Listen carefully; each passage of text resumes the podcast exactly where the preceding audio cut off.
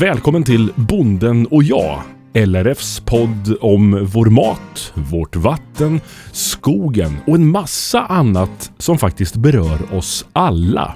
Jag heter Mattias Lindholm och idag ska jag ta med dig till Anders Norlén i Stallarholmen. Anders är spannmålsodlaren som såg sina grödor bli nedtrampade och uppätna av viltet. Skadorna var så omfattande att det knappt gick att odla på hans marker. Så eh, han eh, bestämde sig för att satsa på viltstaket. Ja, du gick hit. Där är jag, tjena! Jaha, läget? Jo, det är bra, det är bra.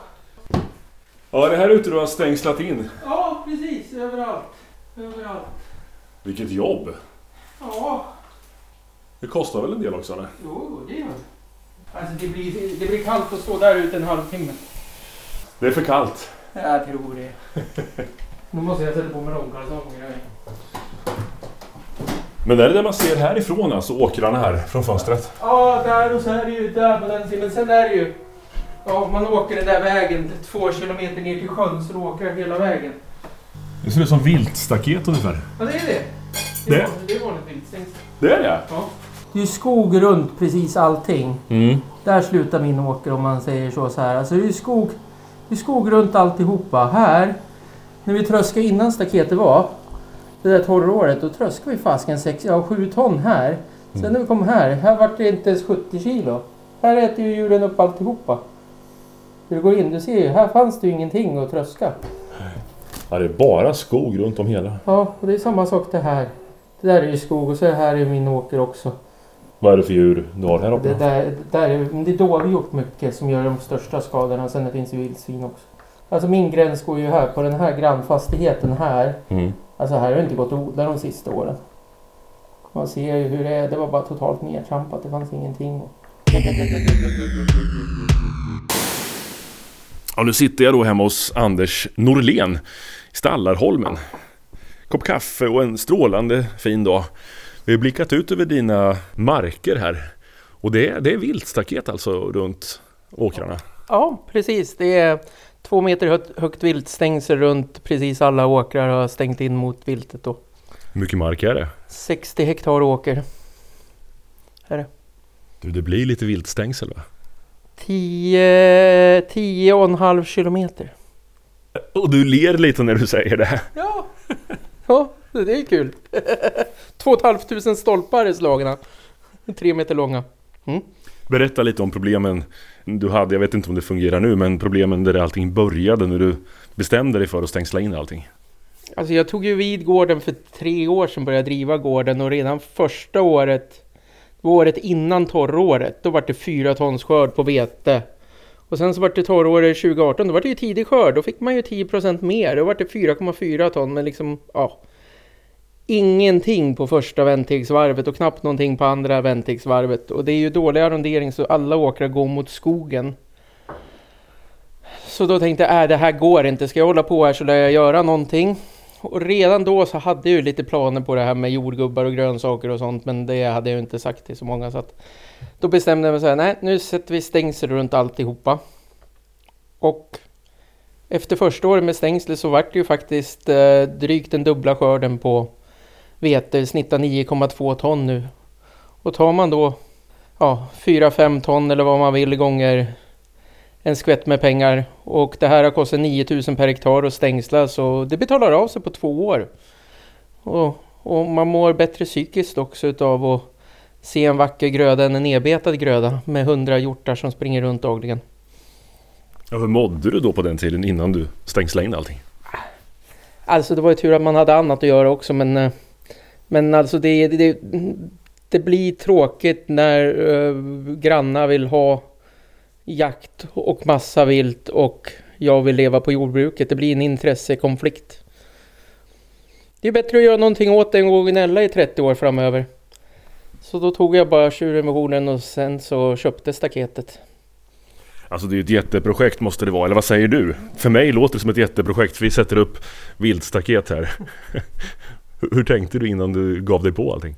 Ja, man ska inte tänka så mycket utan jag tänkte att det där löser sig. Och det gjorde det alltså. Det vi ligger någonstans på två killar satte upp det där på, på under en, ja, en och en halv månad eller vad det var. Så att det var liksom inga, det var ingen katastrof alls på något sätt. Utan det går riktigt bra alltså när man sätter, vi har satt det på åkermarken och då går det riktigt fort. Ska man sätta det där man egentligen vill ha på utsida dike i, i en bit upp i skogen, då, då skulle det bli dyrt att ta tid. Men sätter man det på åkermark, då går det riktigt bra att få ner stolpen. Den här intressekonflikten eh, är ju intressant tycker jag. För det är klart det finns folk som vill jaga och så finns det de som vill odla. Ja, alltså, ja, ja jag vet inte om man ska kalla det konflikter. Ja, man har olika intressen helt enkelt och jag menar ja. Det, det är ju bara så att om, om Ja, man, man, får ju antingen, antingen så ska man ju gå och gnälla på det eller så får man ju göra någonting åt det och jag menar ja. När man inser att man aldrig kommer komma någonstans när man gnäller, för det är aldrig någon som någonsin har gjort det, så är det väl bättre att göra någonting åt det istället. På den här gården med den här arronderingen, så även om vi skjuter bort 70 procent utav viltet så är jag övertygad om att det här fortfarande betalar sig. För att jag kommer aldrig komma ner till liksom en... Med, med, de, med de olika sorters vilt så kommer jag aldrig komma ner till en viltstam som blir så låg oavsett hur mycket man skjuter. Så att, och sen så när man odlar grönsaker framförallt så måste det i alla fall vara inhägnat som den här gården ser ut. Så att, mm, jag vet inte hur, hur man ska se det men jag tror att eh, ska man odla lite grönsaker och grejer då, då ska det vara hägnat i alla fall. Så att, eh, kan man säga så att det är eh, markägaren eller arrendatorns eh, ja, eget intresse och skyldighet att faktiskt stängsla in då? Nej, det kanske jag inte kan tycka men Ja. Jag menar djuren finns ju. Ja, ja jo, jo, jo. Jo, men alltså normalt sett så på vissa gårdar här så kanske skadorna ligger på 10% eller 15 eller någonting. Medan när man kommer upp på skogsåkrarna där det är skog runt så finns det ingenting kvar. Så att, äh, ja. Det beror på vad man har för snitt på hela gården i skador. Liksom, vad, vad, vad är acceptabelt? Och jag hade ju 50 i skador ungefär liksom vid värderingar från Länsstyrelsen var ute och värderade ett par gånger och det värderades till 50-procentiga skador. Eh, båda gångerna vid värderingarna när viltsamordnaren var ute och jag menar 50 procent i viltskador är inte acceptabla skador. Eh, 5 procent, 10 procent, ja då kan man ju då, då, måste man ju kanske som jordbrukare kanske inse att ja, men i ett vilttätt område med dålig arrondering, ja men det kanske man ska acceptera ändå om man säger så. För det är ju inget... Det är ju inte underhållsfritt och det är ju inte billigt ens när staketet är uppsatt att ha staket. Och det ser ju inte så roligt ut heller men det ser jättekul ut när man är vacker grödar innanför staketet. Finns det någon ekonomisk hjälp man kan få när man eh, drabbas av 50-procentiga viltskador? Nej, inte ett dugg. Men eh, om du vill ha ett hjorthägn då kan du få stöd för att hängna in hjortar. Men inte att hängna ut dem. Så är det. Så du har fått betala allt själv? Ja, precis. Så är det. Så är det. Men jag såg det som en, eh, ja, det är en bra investering. Det ska i alla fall hålla i 20 år. Och betalar det sig av på två år så är det ju bättre att lägga en halv miljon på det här än en halv miljon på en traktor. För den betalar sig inte på två år. Men du har bara drivit den här gården i tre år sa du? Arrendet ja. i tre år. Ja. Eh, vad tänkte du när du kom hit och, och såg förutsättningarna? För du visste ändå vad du gav dig in på eller? Ja, alltså jag har ju bott här sedan 99 men jag har bara drivit gården i tre år så att ja. ja. Jo, jag visste nog egentligen lite så men jag la ner mitt andra företag för tre år sedan, gräsmatteodling och då flyttade jag hem och började liksom driva det här lite grann så att ja. Då var man tvungen att börja någonstans med och få ordning på allting och då vart det vilthägn och sen så är det lite insådda med vallar och och kvickrotssaneringar och grejer och sånt så att jag liksom gör en ny start på hela gården och, och, och ger den de förutsättningarna jag vill ha. Men kan man tjäna, eller omsätta 200 000 och tjäna bra med pengar per hektar istället för att ha 600 hektar och, och, och omsätta samma pengar så kan man lika gärna ha en liten gård som är ens egen och göra det man själv tycker är roligt egentligen. Om man säger så. Vad är det du odlar för någonting? Uh, vit. I, I år som kommer så blir det jordgubbar, vitkål, rödkål och hästvall. Och så blir det lite sallad och färskpotatis och broccoli och grejer och sånt till, till, till gårdsbutiken. Mm. ska säga att Anders vill inte gå ut. Han måste ta på sig långkalsongerna då så vi sitter i soffan och blickar ut över marken. Så är det faktiskt. Så tänker kunden. Ni har varit och handlat nu, eller hur? Ja, Har ni tänkt på att handla efter säsongen? Vad naturen erbjuder, vad lantbruket erbjuder? De svenska förutsättningarna. eh, nej faktiskt inte. Jag har inte tänkt så mycket på det. Vad säger vi? Va? Man gör ju sån här veckolista, sen handlar man efter den oftast. Vad man är sugen på. Nej, men jag, jag brukar ha fasta, det är fisk på tisdagar och korv på onsdagar och soppa på torsdagar. Och det rullar ju på varje vecka. Samma sak ja. Ja, ungefär fast olika sorters eh, rätter då. Ja, det är ju en bra idé Ja. i och för sig. Eh, Alla påsar, tre stycken påsar. Hur mycket Ja. har ni tänkt på vad det kommer ifrån och vad det innehåller och allt det där? Nej, jag handlar efter plånboken. Tyvärr så är det så idag. Man har inte så tjock lön så man blir tvungen att handla efter plånboken. Och vad måste man välja då menar du? Ja, hittar jag två köttbitar, den eh, ena billigare än den andra, då tar jag ju den billigaste. Sen tänker jag inte så mycket var den kommer ifrån. Det är priset. Ja, det är priset. Det är tyvärr så. Hade varit... Vad sa vi över biltaket där borta? Vad sa du? Alltså, som pensionärslivet så blir det ju ofta så. De drar ju tyvärr inte in om de ska bo, bo där de bor idag. Så Ja just det. Är det dottern det här? Dottern och mamma? Ja, man får ju åka med dotter i bil. Jag får ju skjutsa. Ja, så blir det ju. Man måste ju han tänka på. Man har inte så fet pension idag. Så då får man ju handla efter plånboken helst. Man skulle helst vilja handla svenskt allting om man bara hade råd. Så är det ju. Men man har inte råd. När vi sitter i soffan och blickar ut och ser marken där, då är det viltstaket. Ungefär som man ser intill vägarna, lite kraftigare stolpar. Vad tänker du när du ser allting? Alltså jag det är ju de minskade skadorna och jag tycker ju liksom när man satte upp det här, det vart ju rakt och snyggt liksom så att och, och, och med tryckade stolpar och grejer Så mig mig stör ingenting alls egentligen så i övrigt. Eh, sen är det några grannar här som känner sig kanske lite instängda men men men eh, Alltså innan man fick upp staketet så var ju gräsmattan uppökad utav vildsvinen en gång i veckan också. Så att jag menar det är lite Allting är lite både och. Men du har fått reaktioner från, från folk som känner sig instängda. Ja, de tyckte det lite grann. Va, vad sa du då? då? Eh, Jag, jag frågade om vi skulle sätta staketet på andra sidan istället. Tomten. Och eh, nej, det var ja. Men det, det var inte heller intressant utan de, ja, äh. De ville nog mest bara gnälla lite grann. Men det är ju väldigt stora marker. Hur mycket jobb var det? När du tänker tillbaks på alltihop, hur lång tid tog det? Hur gick det till? Det tog nog bara en och en halv månad ändå egentligen. Och det, ja, när man äntligen fick upp farten så går det riktigt fort alltså. Jag tyckte det gick bra. Jag tyckte det, ja, det, gick, det gick riktigt bra. Men du måste ner med pålarna i backen en bit va? Ja, vi borrade först framför varje hål och sen så har vi en stolpslagare så vi slog ner dem med traktor efter det. Två och ett halvt tusen stolp tror jag att det är. Sitter vart... Oj, jag tror... Jo, det är tre meter... Fyra meter emellan här. Fyra meter mellan varje stolp. Mm.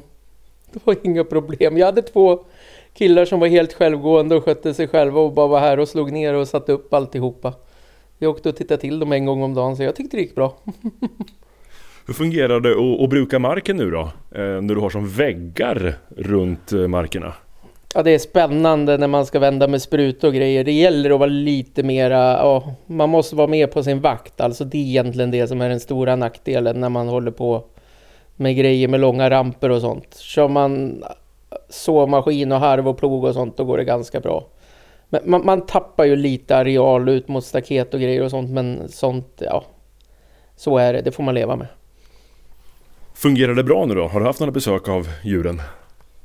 Ah, Nej, jag har haft ena hängnet lite öppet här för att vi inte får till grindarna på det sist stängda och uh, där är lite vallinsådd. Vi ska gå ut och titta på det sen. Och det, det, alltså man ser ju, där har de kunnat gått ut och in som de har velat och, och man ser ju en stor skillnad på, på hur det ser ut mot det som är hängnat om man säger så. Nu har Anders eh, visat mig ett diplom här. Diplom Årets lantbruksföretag i Sörmland 2019, Anders Norlén.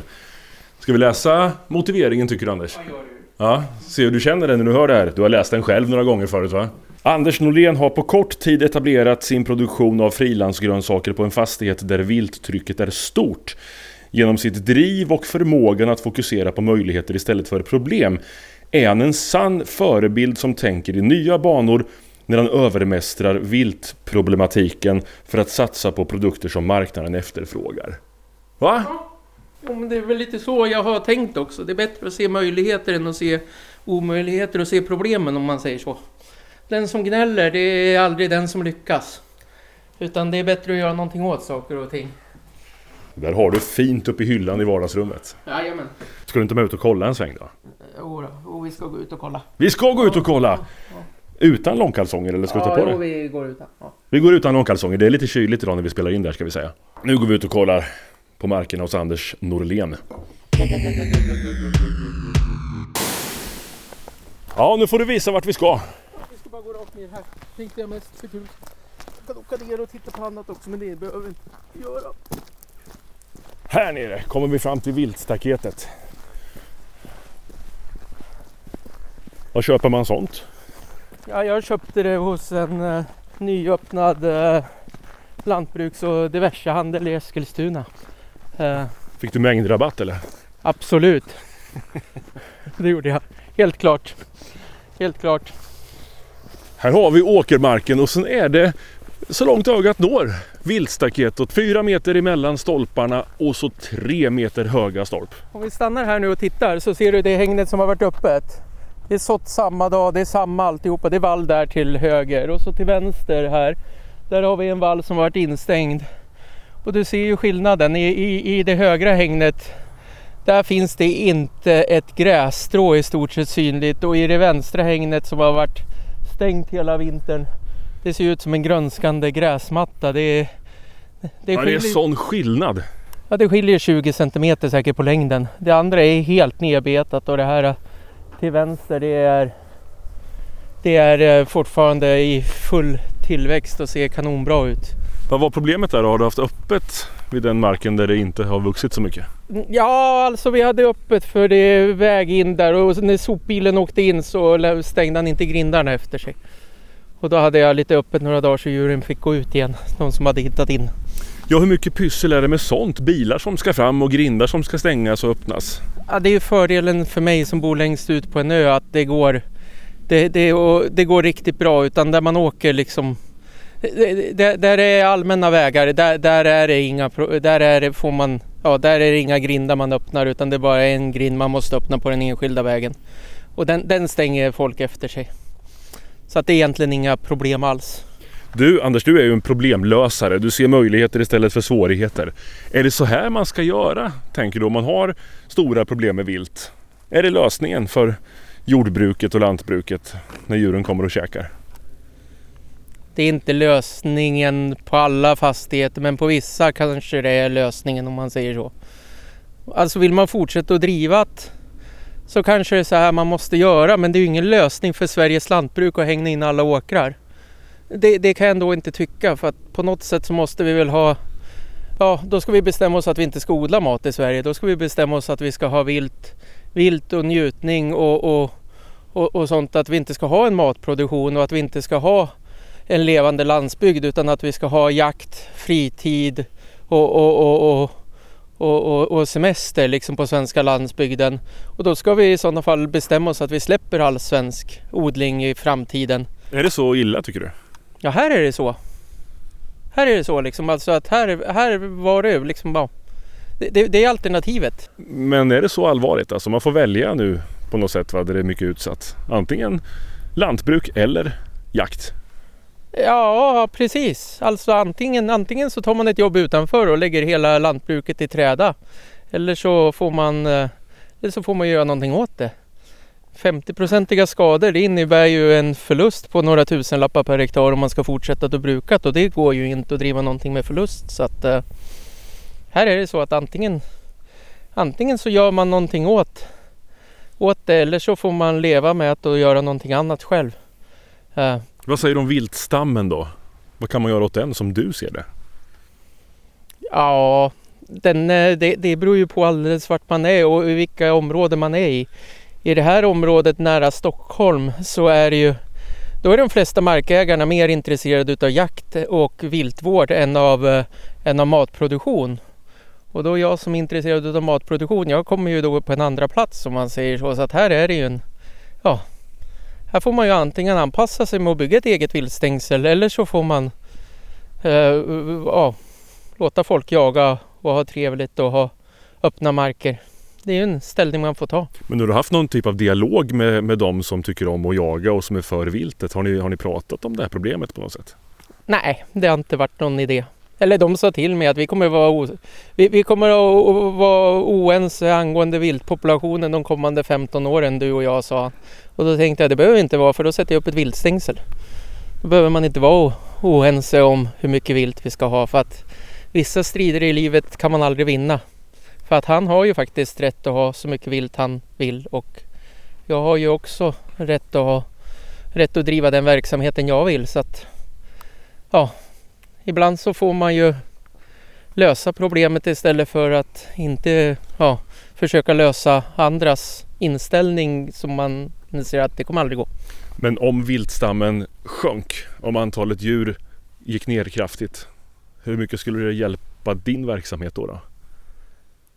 På den här gården så, vi, ja, det måste bort så otroligt mycket vilt så jag vet inte hur, hur pass eh, mycket det hjälper. För att det är så, drå, det är så dålig arrondering. När 90 procent utav, utav väntegarna går mot skog så får man sådana otroliga skador i alla fall. Så att jag tror att på en sån här fastighet då betalar viltstängslet sig i alla fall.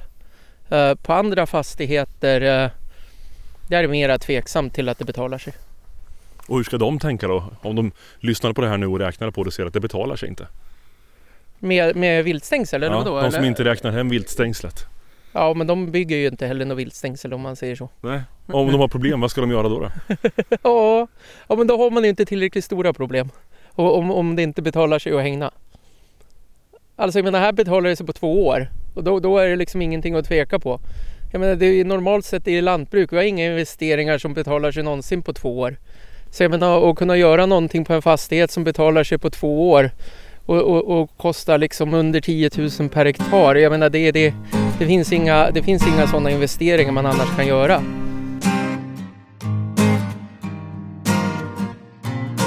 Du har lyssnat till Bonden och jag, en poddradioserie från LRF.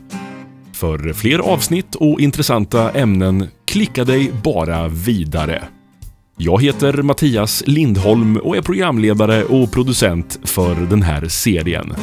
Hoppas vi hörs snart igen.